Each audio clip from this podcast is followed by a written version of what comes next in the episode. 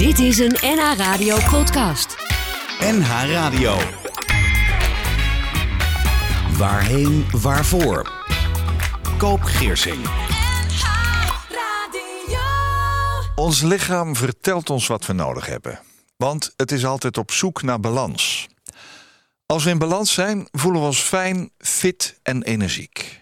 Zijn we niet in balans, dan laat ons lichaam dat weten door signalen van spanning af te geven. De eerste gast van het nieuwe seizoen van Waarheen Waarvoor zit inmiddels naast me. Het is een man van inmiddels 73 jaar die na vele ervaringen een zeer sterk geloof hecht aan de effecten van chronische stress op het immuunsysteem van ons lichaam. En kan bijdragen aan het ontstaan als ook het onderdrukken van zeer ernstige ziektes. Dick Hipma. Welkom Dick. Dankjewel, Koop. Het is een heel uh, overgang even zo van de, de enorme energie van uh, het circuit van Zandvoort naar ons gesprek. Maar Absoluut. we gaan ons best doen. Is live. Dick, we hebben ook afgesproken dat we elkaar zullen tutoyeren. hè? Zeker. Ja, dat mag. Je stuurde een mail waarin je schreef dat je dan wel geen boek hebt geschreven, maar wel heel veel hebt meegemaakt op het gebied van ja, angst, verdriet, zorg voor zowel jouw vrouw Joke als uh, voor jouzelf. En jouw vrouw Joke is drie jaar geleden overleden. Ja. We hebben het al even over haar gehad. Zeker. Ik merk dat je dat wat doet. Maar ik zie ook dat je met een zekere ja, uh, liefde en uh, uitstraling over haar praat. Hè? Oh, alleen maar uh, met liefde en uitstraling. Ja, en... ja, je hebt haar verteld dat je hier bent vandaag. Zeker, ja. ja, ja, ja. Ik, ik, heb de gewoonte om één keer in de week bij, uh, bij, de, bij de alle fotootjes die ik van de heb uh, weer allemaal verse bloemetjes uh, neer te zetten. Ja. En dan ga ik even met haar praten. Oh ja, heb, je, even... heb, je, heb, je, ze thuis staan, die foto's? Ja, die staan gewoon thuis bij Ja, zeker. Een klein altaartje of zo? Nee, nee, nee, gewoon op de kast. Maar veel fotootjes. Ja. Bij de kindjes ik allemaal en de kleinkindjes. Ja. En dan breng ik haar nieuwe verse bloemetjes. En dan ga ik even tegen haar praten. En dan is het weer even tijd oh, voor een mooi. paar snikjes. En dan gaat het leven weer verder. Ja, en dat lukt ook. Dat lukt wel, ja. Ja. je hebt twee dochters en je hebt drie kleinkinderen. Twee, Zeker, ja. Twee, twee kleindochters en één kleinzoon. Of nee, twee kleinzonen. Uh, twee, één... twee kleinzonen, één van acht, één oh, ja. van uh, twaalf. Tristan is dat en Robin. En ik heb een heel leuk uh, klein dochtertje, Nella, naar mijn moeder genoemd. En die is vijf jaar. Ach, ja. Ze luisteren ze, denk je? Zijn ze wakker? Nou, of Nella luistert, dat weet ik niet. Maar de jongetjes hebben me gisteren een uh, appje gestuurd... dat ze toch maar vooral vroeg gaan opstaan om dit uh, gesprek te kunnen horen. Nou, kunnen ze luisteren naar het verhaal van opa. Het is, een, het is ook wel een zwaar verhaal. Hè? Jouw vrouw Joke die is dan drie jaar geleden overleden. Ze kreeg op haar 45ste jaar de diagnose Parkinson. Dat is hartstikke jong. Hoe ging dat destijds? Ja, we waren eigenlijk in een uh, fantastisch mooie situatie. We hadden net een nieuw huis op een prachtig mooie plek. Zij had in uh, 1990, uh, op haar 40-jarige leeftijd, een, een nieuwe baantje. Waar ze vreselijk leuk vond. Bij ons in het dorp, dus kon ze lopen. Dus het leek allemaal roze geur en maneschijn. Tot op enig moment toch haar ene arm, haar hand begon te trillen. Ja, had ze het zelf in de gaten of zag jij het ook? Nee, dat had ze zelf wel in de gaten. Maar ja, wat is dat dan? Spanning geweest? Misschien te veel, een beetje getennist. Kortom, dat soort vragen komen dan. Nou ja. Maar het was voor haar werk wat ze deed, ook achter een computer, natuurlijk wel, wel lastig. Uh, maar goed, toen dat natuurlijk na een paar dagen niet over was, uh, had je toch zoiets van: ja, dan moeten we toch even voor naar de arts. Die heeft ons ook onmiddellijk doorgestuurd naar de neuroloog. En uh, toen kwam al heel eigenlijk direct de constatering, diagnose Parkinson. Kon je dat geloven meteen? Nee, absoluut niet. Parkinson, wat was nou Parkinson? Dat was voor oude mensen die daar over het algemeen natuurlijk uh, aan leden en dan uh, de consequenties hadden. Maar een jonge vrouw uh, in de bloei van haar leven, altijd gezond geleefd, eigenlijk niet echt veel stress gehad. en dan op je 45ste die indicatie krijgen, dat, dat is afschuwelijk. En ja, dat levert natuurlijk onmiddellijk heel veel vragen op die je die eigenlijk ook niet kan beantwoorden. Nee. Uh, ga je er aan dood? Ga je er niet aan dood? Wat is het traject wat je dan moet gaan doen? Uh, kortom, alleen maar vragen en heel veel donkere wolken die vanaf dat moment uh, boven ons heen. Je leven verandert van de een op de andere dag, bij wijze van spreken. Ja, zeker, natuurlijk. Ja. Al, wel, ja, ik, ik zelf zat natuurlijk met mijn werk ook best druk, met de kinderen. Dus ja, in die zin gaat het leven wel door. Maar het neemt niet weg dat die zwarte wolk er altijd is boven blijven hangen. Ja. Ja, inmiddels kennen wij het, uh, zeg maar, uh, Parkinson... omdat Rob de Nijs en ook Ernst Daniel Smit... daar ook open over in de pers zijn. Een liedje gemaakt hebben, wat daar ook mee te maken heeft. Um, als je zo jong bent, dan lijkt dat nog ver van je bed. Hè? En ehm, ik heb wel geleerd dat de ziekte Parkinson heel veel verschillende gezichten kent. Ehm, wat wij vaak denken van Parkinson is inderdaad die, die trillende hand. Maar dat hoeft het niet te zijn. Er zitten ook heel veel andere zaken bij, zoals moeheid en, en dat soort dingen. Hoe is dat bij Joker gegaan? Ja, het begon dus bij die trillende hand. Ehm, ehm, uiteraard via de neuroloog krijg je daar medicatie voor, de leverdopa. Dat helpt. Echter na een paar jaar, een jaar vijf, zes daarna... kreeg ze wat, ze wat ze dan noemen dyskinesie. En dat waren afschuwelijke, uh, hele felle trekken in het lichaam... Uh, wat ongeveer drie kwartier per dagdeel uh, uh, bleef hangen. Wat, wat, moet ik me daarbij voorstellen? Nou, als, als ze bijvoorbeeld stond te koken in de keuken... dan ja, het lichaam alle kanten op ging... en, en de armen natuurlijk gingen zwaaien. On, ongecontroleerd. Oh, ja. en, heel merkwaardig verschijnsel. En dan ga je natuurlijk aan de arts vragen... hoe kan het nou? Ze krijgt toch leverdopa? En waarop de arts dan op dat moment tegen mij zei... nee, het komt juist door die leverdopa. Nou, toen was ik compleet in verwarring. Je krijgt toch medicijnen om een probleem op te lossen... en niet om een probleem te veroorzaken... Ja. Later, toen ik uiteraard bij een andere neuroloog kwam en daar wat dieper op inging, heb ik wel begrepen wat daar de oorzaak van was. Dat met name natuurlijk als je Parkinson hebt al, de eerste diagnose. En doorgaans al 70% van de celletjes die je, uh, die je lichaam aansturen verdwenen zijn. Ja. Uh, vandaar de leverdopa om dat bij te voeden. echter, als die celletjes weg zijn, kunnen ze ook niet bufferen. Dus je kan wel die medicatie nemen, maar dan gaat het werken op het moment dat het echt niet nodig is. En dan Nee. krijg je dan die dyskinesie van. Ja. Dus dat was uh, eigenlijk, uh, daar viel mee te leven, dat wel. Maar het was natuurlijk wel een heel nagezicht. Afschuwelijk, ja. ja. Hoe, hoe ging Joker er zelf mee om in die tijd? Nou ja, Joker was altijd van nature heel erg gesloten. Uh, niet echt heel erg makkelijk praten over wat moeilijke onderwerpen. Uh, bijvoorbeeld al uh, twee jaar, haar ouders zijn binnen een, een, tijdsperiode van twee jaar in de jaren 85 en 87 overleden. Zij was enig kind, hing heel erg, heel erg aan haar ouders.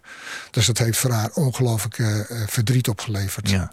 Waarvan ik ook achteraf denk dat die, die zeven jaar die dan daarna verlopen zijn... wellicht mede een oorzaak zijn geweest... door dat verdriet toch een beetje binnenhouden dat wellicht dat ook mede een oorzaak is geweest van het ontstaan van de Parkinson. Ja, ja. De, de opbouw in de van de stress in het lichaam. Zeker, en dat ja. gedurende langere tijd. Ja, ja. Um, hoe verliep verder die ziekte bij haar? Want uh, jij hebt je voorgenomen om haar te verzorgen. Hè? Op een gegeven moment kan ze ook dingen helemaal niet meer. Ja. Um, hoe snel ging het van kwaad tot erger? In het begin, de, de eerste pakweg 15 jaar, ging het redelijk geleidelijk. 15? Ja, toch wel 15 jaar ging dat geleidelijk. Gingen jullie eraan wennen op enig moment? Ook? Nou, dat je dacht je, van, nou, hier is wel mee te leven? Dat laatste niet, want die onzekerheden van wat dan morgen zou zijn... die bleven natuurlijk. Maar ja, je hebt geen keuze. Je moet er gewoon mee omgaan. Je moet ermee dealen. En dat hebben we ook eigenlijk wel geprobeerd. We hebben natuurlijk ook de hele mooie momenten meegemaakt... van de trouwerijen van de dochters, de geboortes van de kinderen... Dat waren natuurlijk mooie momenten. Maar in zekere zin blijft altijd het wolkje uh, boven ons hangen... van uh, hoe lang kun je daar nog van genieten? Ja. En wat zal er morgen uh, over ons heen komen? Ja. Maar ja, na die 15 jaren begon... Ik, ik, had inmiddels wel onderzoek gedaan. Ik heb altijd veel onderzoek gedaan om te kijken... wat het beste voor haar zou zijn in overleg met de neurologen. Ik heb me toen ook verdiept in de DBS-operatie, de Deep Brain Stimulation... Die in ieder geval moest zorg dragen dat het slapen weer wat op normale wijze kon plaatsvinden. die heeft ze ook ondergaan in, op haar 60-jarige leeftijd in 2010. Dat heeft op dat moment zeker geholpen om die trillingen terug te dringen. Dat was een heel mooi gezicht. Toen ze erin gingen stellen dat je zag dat het lichaam helemaal tot rust kwam. En haar normale slaapritme kon ze wel weer terugkrijgen. Dus dat zover leek dat allemaal erg vrij. Maar, maar, is dat gekomen doordat je dat zelf uitgezocht hebt? Nou ja, ik heb natuurlijk heel veel contact gehad... ook wel met mensen die al die DBS-operatie hebben ondergaan. Ik uh, hield ook bijna dagelijks alle informatie over ontwikkelingen van Parkinson bij. Uiteraard heb je ook je contacten met de neurologen.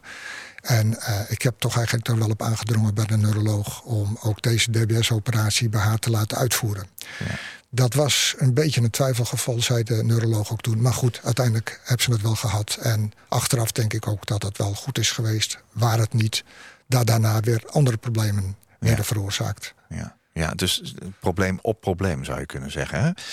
Jij hebt Joke tot het laatste moment zelf verzorgd. Ja. Ehm, op een gegeven moment moest je ook vervroegd met pensioen. Hè, want ja, de, de, tijd voor andere dingen was er bijna niet meer. Wat was om haar te verzorgen ervoor nodig? Hoe zagen jouw dagen er toen uit met Joke? Ja, eigenlijk al in de nacht lag je al na te denken wat je dan de komende dag, uh, uh, hoe je de dag zou doorbrengen met haar.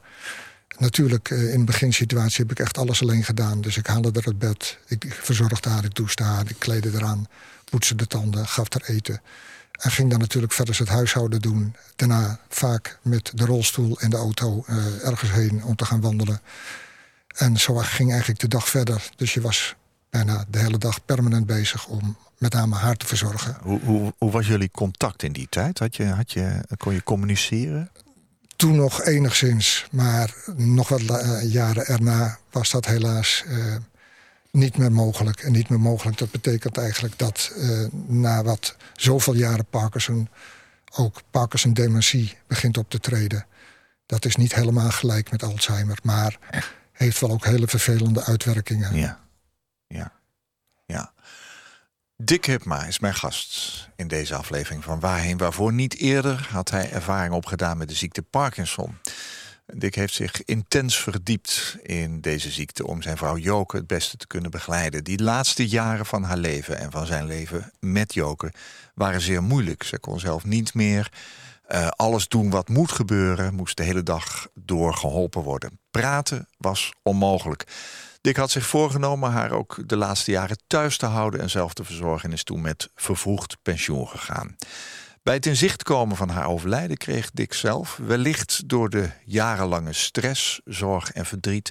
de diagnose blaaskanker. Inmiddels is de angst om dood te gaan vanwege zijn eigen ziekte weggeëpt... omdat de tumor zich rustig houdt zonder enige behandeling. En volgens zijn oncoloog omdat zijn eigen afweer nu weer werkt zoals het hoort...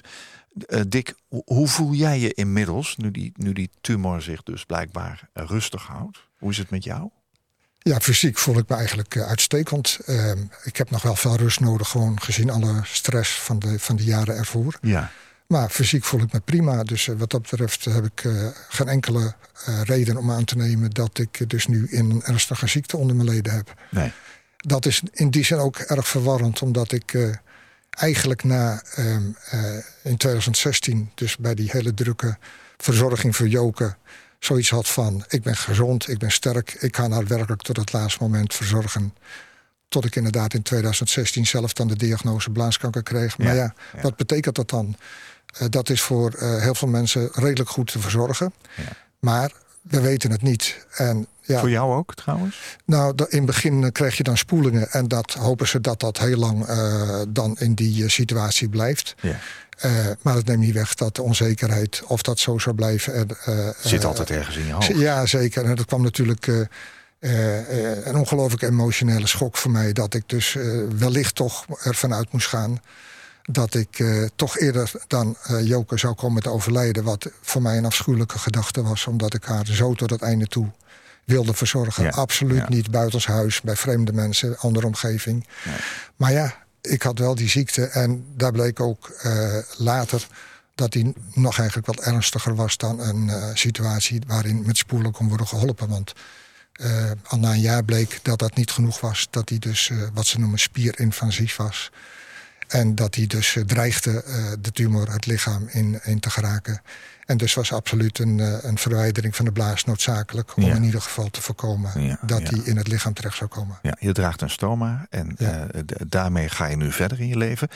Je ziet er goed uit, Dick. Ik voel me ook goed. Ik zag je vanmorgen staan, je straalde. Ja, En het, ik merk vooral, we hebben natuurlijk al samen even, eh, tenminste ik heb een kop koffie gehad. En eh, we hebben samen gesproken over nou, dit programma, dat we zo meteen de studio binnen gaan.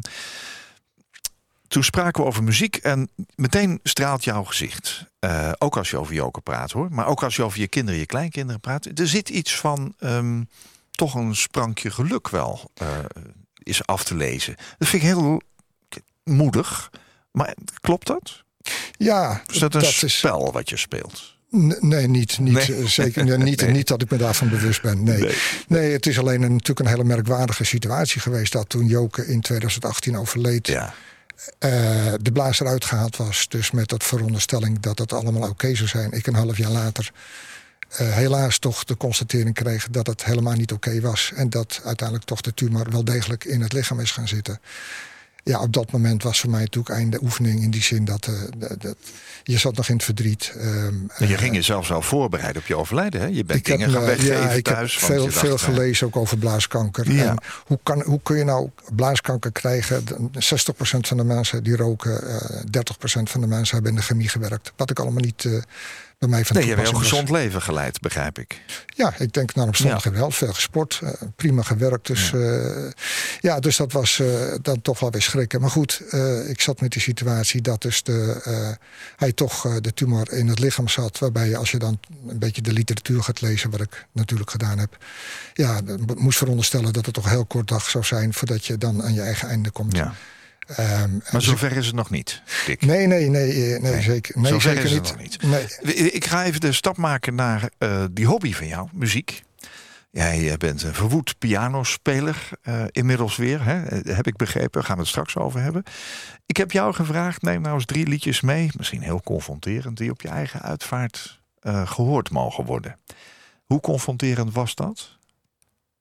Nou, dat viel wel mee, omdat ik eh, eigenlijk al voordat we dit programma zouden gaan doen, daar wel eh, over nagedacht Ja. had. En ehm ogenschijnlijk lijken de stukken eh, die ik heb uitgekozen weinig samenhang te hebben. Maar goed, in mijn beleving is dat niet zo. Ehm, het zijn over het algemeen of componisten die een heel bijzonder leven hebben meegemaakt. Of de pianist in dit geval, die, eh, die eh, en ook een hele eigen leven heeft meegemaakt. Waar ik me op onderdelen qua, qua karaktereigenschappen heel goed in kan vinden. Ja, je hebt drie liedjes aan mij doorgegeven. Het derde stuk van Chopin speel jij zelf. Zeker. Daar Ja. een opname van. Het tweede stuk is een componist en een uitvoerder die iedereen kent. Zeker. En het is een lied wat ik nog wel eens hoor als uitvaartverzorger in een aula. Eh, dus ik herken me daar heel erg in. Maar het eerste stuk is ook een heel bijzonder stuk in de popmuziek. Want het is een, eh, ja, een stuk wat eh, heel veel artiesten geïnspireerd heeft. Iets van Rachmaninoff. Ja. Waarom gaan we dit draaien?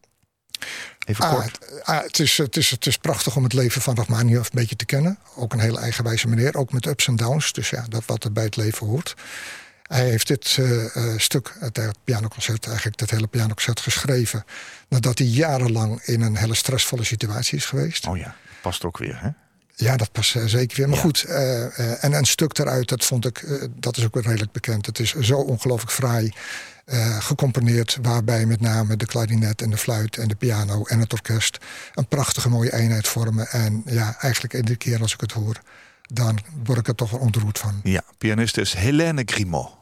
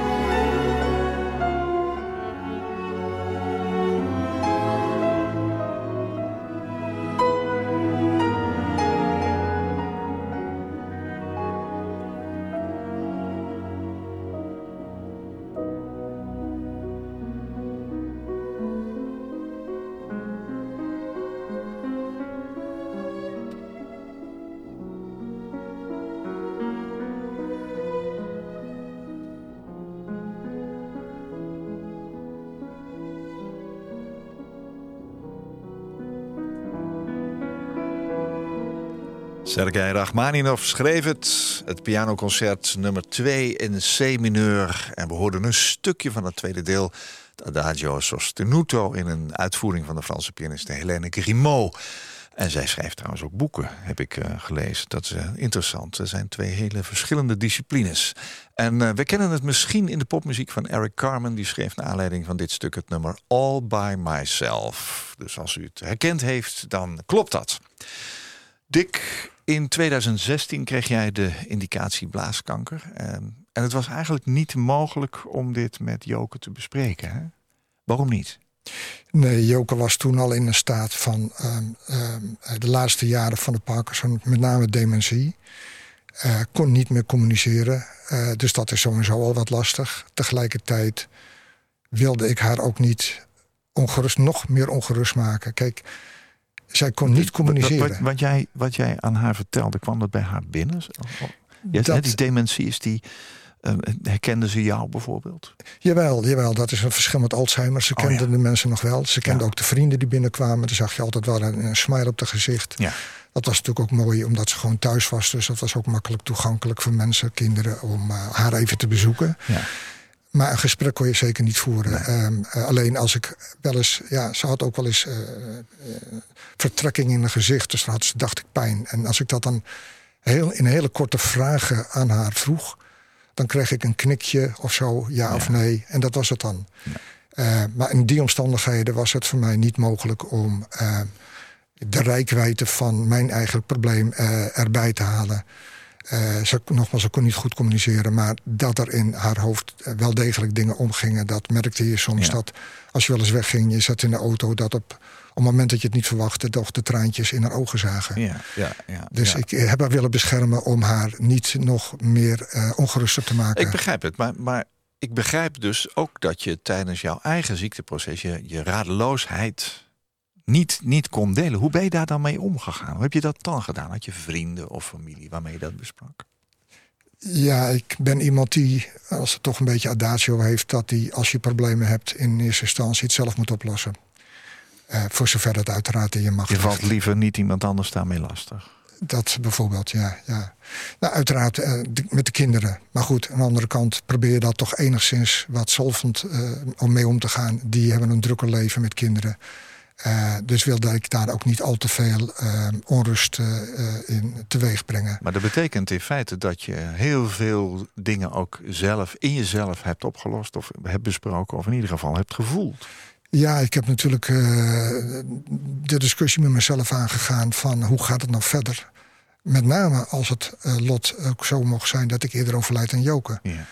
Dat was voor mij natuurlijk bijna onbestaanbaar. Maar goed, het, het, in, in, theorie zou dat kunnen. Had je professionele hulp dan? Had je een professionele spreker om je heen? Toen ik uh, de diagnose kreeg in het ziekenhuis... hebben ze mij geadviseerd om, uh, gezien de impact van die mededeling... toch met een psycholoog te praten. Daar heb ik van nature niet zo heel erg veel mee. Maar goed, ik wilde ook niet dwars zijn. Dus natuurlijk heb ik dat gesprek ben ik aangegaan. Alleen, ja voor mij was het niet nodig om uh, een probleem te herkennen. Ik wist natuurlijk precies wat de problemen waren. En ja, als je dan bij zo'n gesprek weer naar buiten staat... kom je natuurlijk toch weer op jezelf terug... dat je toch je eigen problemen gewoon moet oplossen. Dus ja, na één sessie ben ik daarmee gestopt. Oh, oké. Ja, ik, ik vind dat uh, moedig aan de ene kant. Aan de andere kant uh, denk ik ook bij mezelf... ja, je kan toch niet alles maar alleen oplossen? Ja, de praktijk leed dat het gewoon moest. Nogmaals, ik was eigenlijk te druk bezig met de zorg voor Joken. Uh, om mij, en natuurlijk in de stille momenten uh, moest ik dan maar weer zelf nadenken hoe het dan met mezelf zou kunnen gaan. Als ik dat zo beluister, dan denk ik dat, dat de zorg voor Joken ook al bijna wel vroeg om professionele hulp. Ja, dat is natuurlijk een discussie die je ook met jezelf hebt gevoerd. Ja. Uh, waren het niet beter geweest om haar uit huis te plaatsen?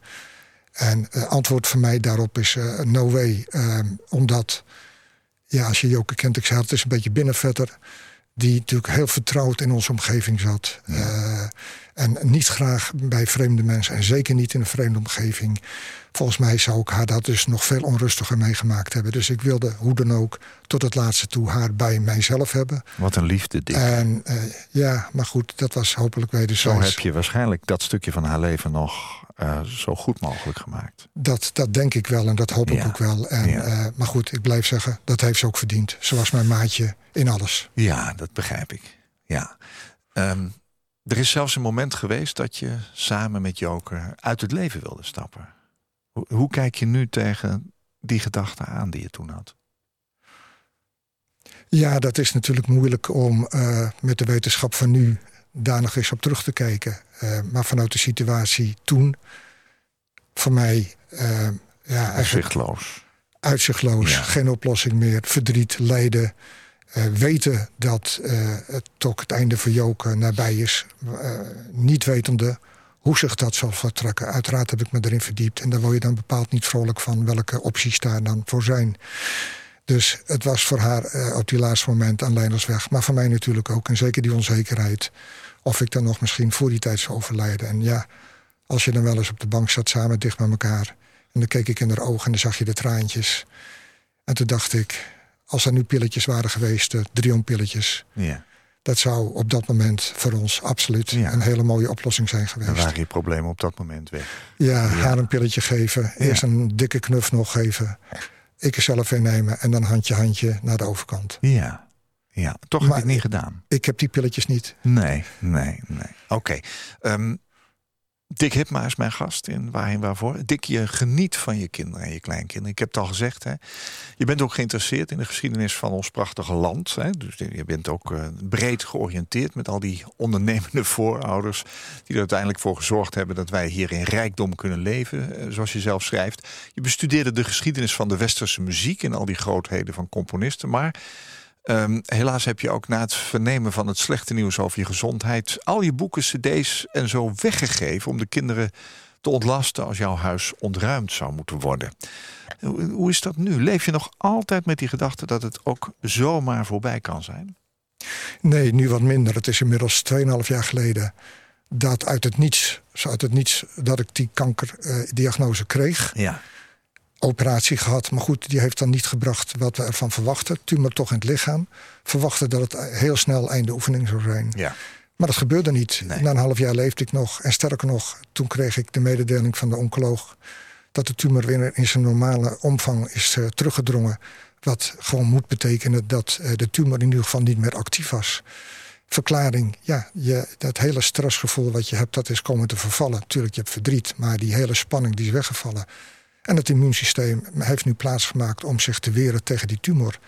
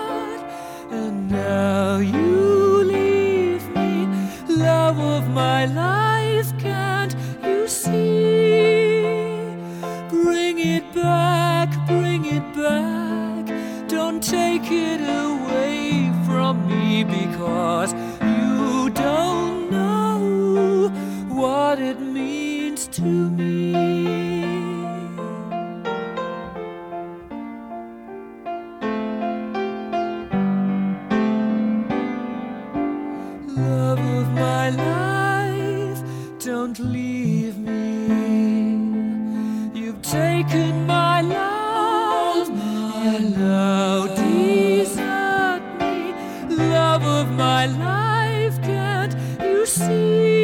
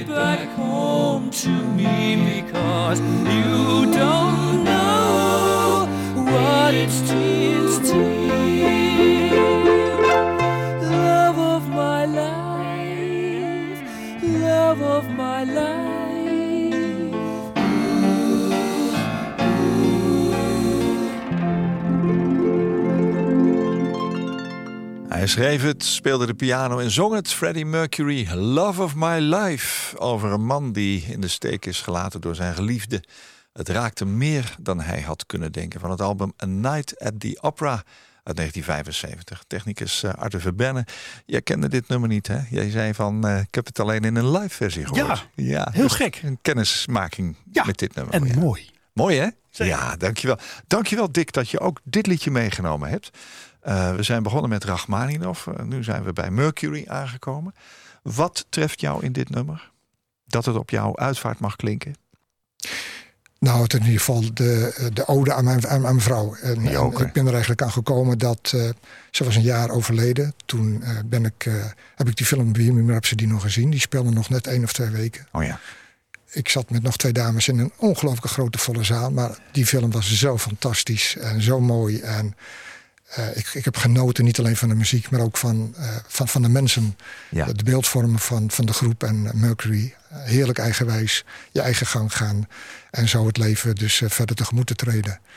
En ja, toen dit nummer natuurlijk kwam, ja, kon ik alleen maar één beeld voor ogen houden. En dat is mijn liefste maatje, Joke, die overleden was. Ja. En toen dacht ik, ja, natuurlijk, het slaat waarschijnlijk textueel niet helemaal op de situatie. Maar met een beetje fantasie die ik erin breng, is dat prima inpasbaar. Nou, ben je boos geweest dat ze je verlaten heeft? Nee, nee. Uiteindelijk het verlaten zelf was natuurlijk een, een, een, een oplossing van de leidersweg. Dus in die zin kan ik alleen Dubbel maar zeggen... ook. Ja, Ja. natuurlijk, je bent je meisje definitief kwijt. Ja. Maar tegelijkertijd was het goed dat Maar is, het op er, dat maar is er überhaupt boosheid geweest in die, in die dat, dat jullie dat moesten overkomen, bijvoorbeeld? Nee, die boosheid heb ik niet gehad. Eh, ik, ik, ik zit er dan in dat dat is voor mij een gegeven. Ja. Eh, daar kun je boos over worden, maar dat helpt ook allemaal Nee, niet. dat, dan, Je moet ermee dealen. Ja, je bent wel iemand die graag onderzoek doet, heb je ook verteld, naar gebeurtenissen die jou, maar ook bijvoorbeeld het maatschappelijk verkeer bezighouden. hè. Je stuit op enig moment op een boek van eh, Gabor Maté. Wanneer je lichaam nee zegt, heet het. En is een therapeut en wetenschapper, heeft zich verdiept in de invloed van onze, zeg maar soms traumatische jeugd op ons volwassen leven. En recentelijk op de invloed van stress op de fysieke en mentale gezondheid. Wat heb je eh, van dat boek Wanneer je lichaam nee zegt opgestoken? Nou, in ieder geval vanuit wetenschappelijk medisch oogpunt heel veel. Dat is ook eigenlijk een. Het boek heeft me ook aanleiding gegeven om nog eens goed na te denken over wat eigenlijk met onszelf gebeurd was. Ehm, want dat was toch eigenlijk wel te toevallig. Dat bij die ernstige ziektes, en dan begin ik eigenlijk ook al bij mijn schoonouders, bij mijn schoonmoeder. schoonouders. Ja, ja. Schoonmoeder die ook een heel gezond mens, ogenschijnlijk. eh geen stress, heel rustig leven. Maar eh, binnen één jaar nadat ze net verhuisd waren, haar man eh, op de een op de andere dag verloor aan een herseninfarct. Ehm, compleet de wereld kwijt was. Ehm, eh, wij hebben haar toen nog naar ons dorp gehaald om nog heel dichtbij haar te zijn. Ze werd ziek. Dokters wisten in het begin niet wat het was. Later bleek dat ze toch eierstokkanker had. En binnen een half jaar was ook zij overleden. Dus de verband tussen verdriet, stress en overlijden, ernstige ziekte, lag ik toen al. Datzelfde verband heb ik bij Joke gelegd, die dan natuurlijk al binnen eh, eh, twee jaren. Was dat voordat je het boek las? Nou, ik heb natuurlijk ook wel met mensen gesproken. Die, eh, zo komt dan zo'n gesprek die dus mij attendeerde op dat gesprek, Ja. op, op dat boek van Gabor. En daar ben ik er zeker nog extra door over gaan nadenken. Of inderdaad ook in mijn situatie wellicht dat herkenbaar was. Ja, ik kan alleen maar tot de conclusie komen dat bij alle vier de omstandigheden, zowel eh, het ondergaan van de indicatie van ernstige ziektes, dat er in alle gevallen altijd eh, heftige eh, chronische stress heeft meegespeeld. Als in mijn situatie dan ook dat naarmate die stress dan is komen te vervallen, doordat hij ook is overleden en in ieder geval die zorg eh, kwijt was, kennelijk mijn immuunsysteem weer gewoon zijn werk doet wat hij moest doen en zo'n ernstige ziekte in ieder geval tot op heden 2,5 jaar al onder controle kan houden. Ja. ja. Dus je zegt eigenlijk dat zo'n ziekte niet zomaar komt. ik kan alleen maar concluderen wat ik in mijn eigen omgeving heb meegemaakt. En natuurlijk, als je het boek leest van Gabor, en zo zijn er meer mensen, wetenschappers, die er heel veel mee te maken hebben gehad. Die zijn absoluut van overtuigd dat wat kennelijk vanuit de westerse wereld de scheiding van lichaam en geest betekent, dat dat gewoon een verkeerde instelling is. En dat dat eigenlijk toch veel ingewikkelder is en veel meer integraal bekeken moest worden. En dat met name natuurlijk ook de wisselwerking tussen hersenen, zenuwbanen, hormonenstelsel, organen en weer terug, dat dat een integraal deel is van ons lichaam. En andere woorden ook, op het moment dat jij dus langdurige chronische stress hebt, gaan er allemaal processen in je hersenen en dus ook in je lichaam plaatsvinden. Dick, zou jij kunnen ehm, zeggen dat mocht het met Joke allemaal niet zo gegaan zijn, dat jij misschien ook geen blaaskanker zou hebben gekregen? Denk je dat zelf? Ja, dat denk ik zeker. Ja, eigenlijk ben ik daar overtuigd. Uh, Ja. Maar ja, dat weet je natuurlijk niet. Maar ik, eh, die overtuiging heb ik omdat ik ook aan eh, ja, de standaardvoorwaarden van roken en dat soort dingen, die eh, daar daar een grote invloed op hebben, allemaal niet heb meegemaakt. Dus ja, voor mij, nogmaals, niemand kan het bewijzen, ik ook niet. Nee. Maar ik ben er stellig van Heb je overtuigd. met je eigen arts bijvoorbeeld over gehad?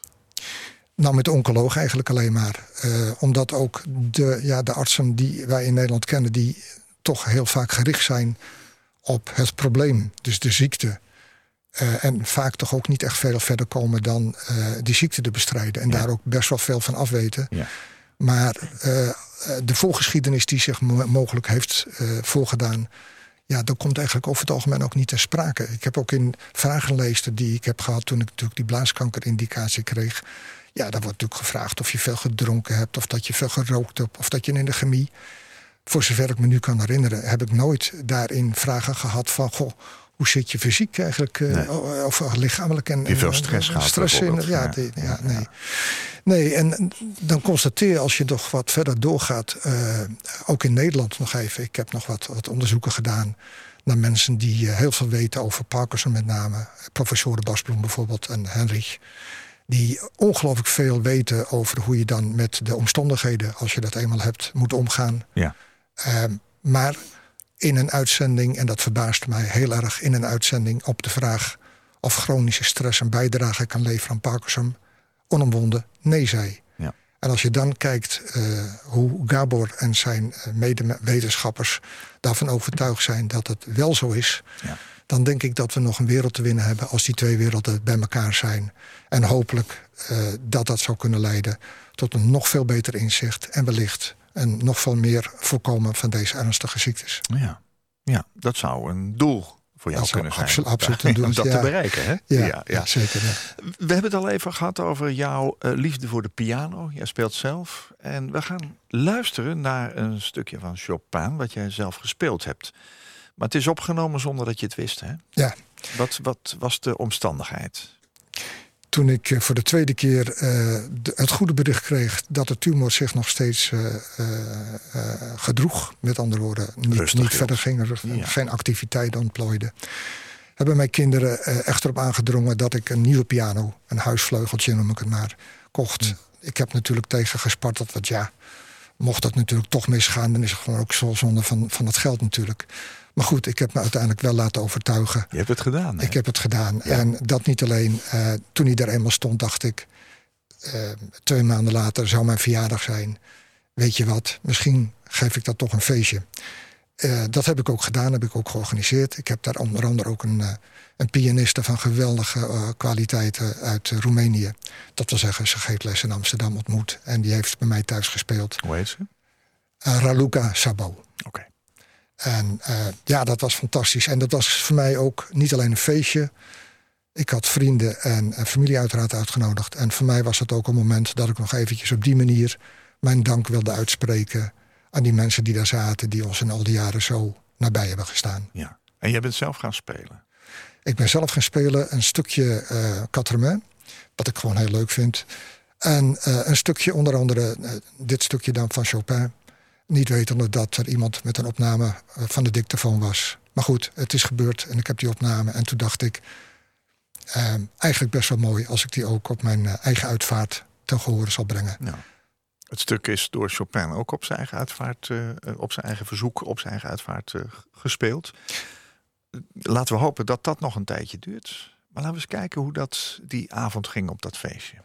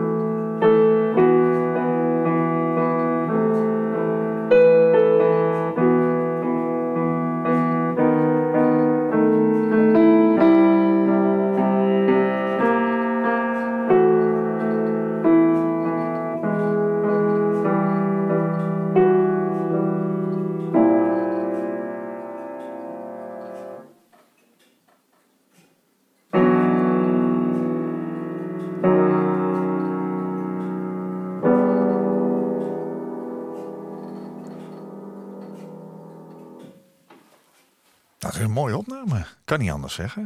Er wordt niet doorheen geschreeuwd en geklapt. En er hoort geen geklank van, eh, van glazen. en Nee, zo. mensen waren op dat moment erg rustig. En waarschijnlijk stond Ja. ook de dictafoon redelijk dichtbij. Dus eh, Ja, nee, het, goed- het is me alles is meegevallen. Prelude, opus 28, nummer 4 van Frédéric Chopin.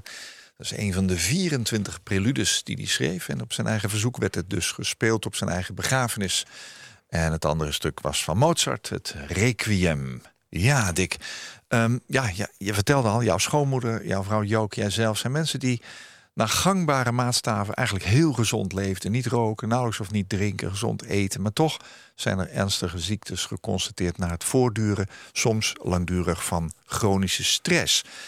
Eh, jij hebt destijds, schreef je me de aflevering van Waarheen Waarvoor geluisterd in eh, mei van dit jaar, van eh, 2021, met Dominique Prins-Keunig. Zij vertelde dat ze op 49-jarige leeftijd de indicatie Parkinson van de neuroloog kreeg. En zij vertelde ook dat zij, en dat verband leg ik nu ook, jarenlang verdriet heeft gehad door het overlijden van haar jongere broer aan darmkanker, de slopende ziekte van haar vader. En haar man die al een tijdje niet zo goed in het vel zat. Voor jou dus opnieuw eh, omstandigheden eh, eh, ja, om te geloven dat die langdurige chronische stress een zeer belangrijke factor is die tot ja, ernstige eh, ziektes kan leiden. Moeten we nu allemaal oppassen dat als we stress in ons leven hebben dat we ziek worden? Oh nee, absoluut niet. Nee, nee. Als je de echte wetenschappers beluistert, dan is met name de acute stress is een heel normaal verschijnsel in het menselijk leven. Schrikken, Dat heb je ook reacties. nodig, begrijp ik heb je wel ook eens, absolu- absoluut Ja, nodig om de reacties te geven die het lichaam vraagt. Maar we hebben het hier natuurlijk over langdurige stress, onderdrukte stress. Dat kan van alles zijn. Die zich heel lang natuurlijk openbaart, die je heel lang in je lichaam meedraagt. En dus kennelijk de kans krijgt om al die ingewikkelde processen teweeg te brengen. Ja, ja. Je, je huidige leven bestaat vooral uit rusten. Hè? Veel rusten, zeg je. Eh, muziek maken, gelukkig. Eh, je kinderen, je kleinkinderen. Eh, en heel voorzichtig die hobby's weer oppakken. Ehm, kun je af en toe gelukkig zijn?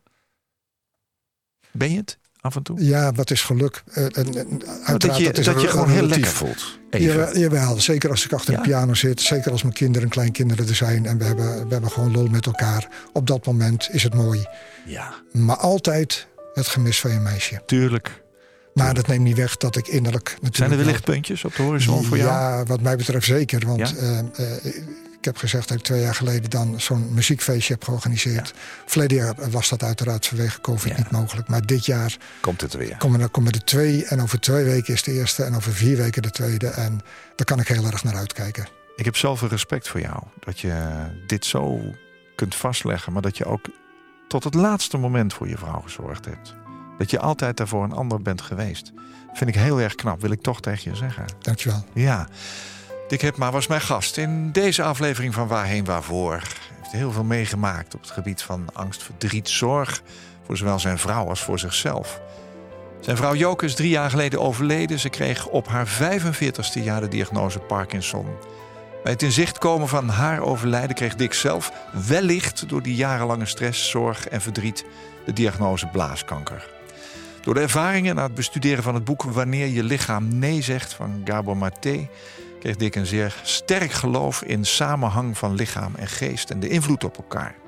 En inmiddels is die angst om dood te gaan vanwege zijn eigen ziekte weggeëpt, omdat die tumor zich gelukkig rustig houdt zonder verdere behandelingen. Volgens zijn oncoloog omdat zijn eigen afweer nu weer werkt zoals het hoort. Nou, dat is toch heel mooi. Dick, dank dat je ervaringen met eh, en je inzicht over die samenhang van lichaam en geest, de herinneringen aan jouw joken met ons hebt eh, gedeeld. Ik wens je echt alle goeds toe. Dankjewel. Mooie muziek Dank. ook, had je meegenomen. Dankjewel dat jullie Ja. hier mocht zijn. Ja, nou, Oké. Koop Geersing. Als jij een keer te gast wilt zijn in Waarheen Waarvoor om te vertellen over jouw levensreis, laat me dat dan weten via waarheenwaarvoor.nhradio.nl.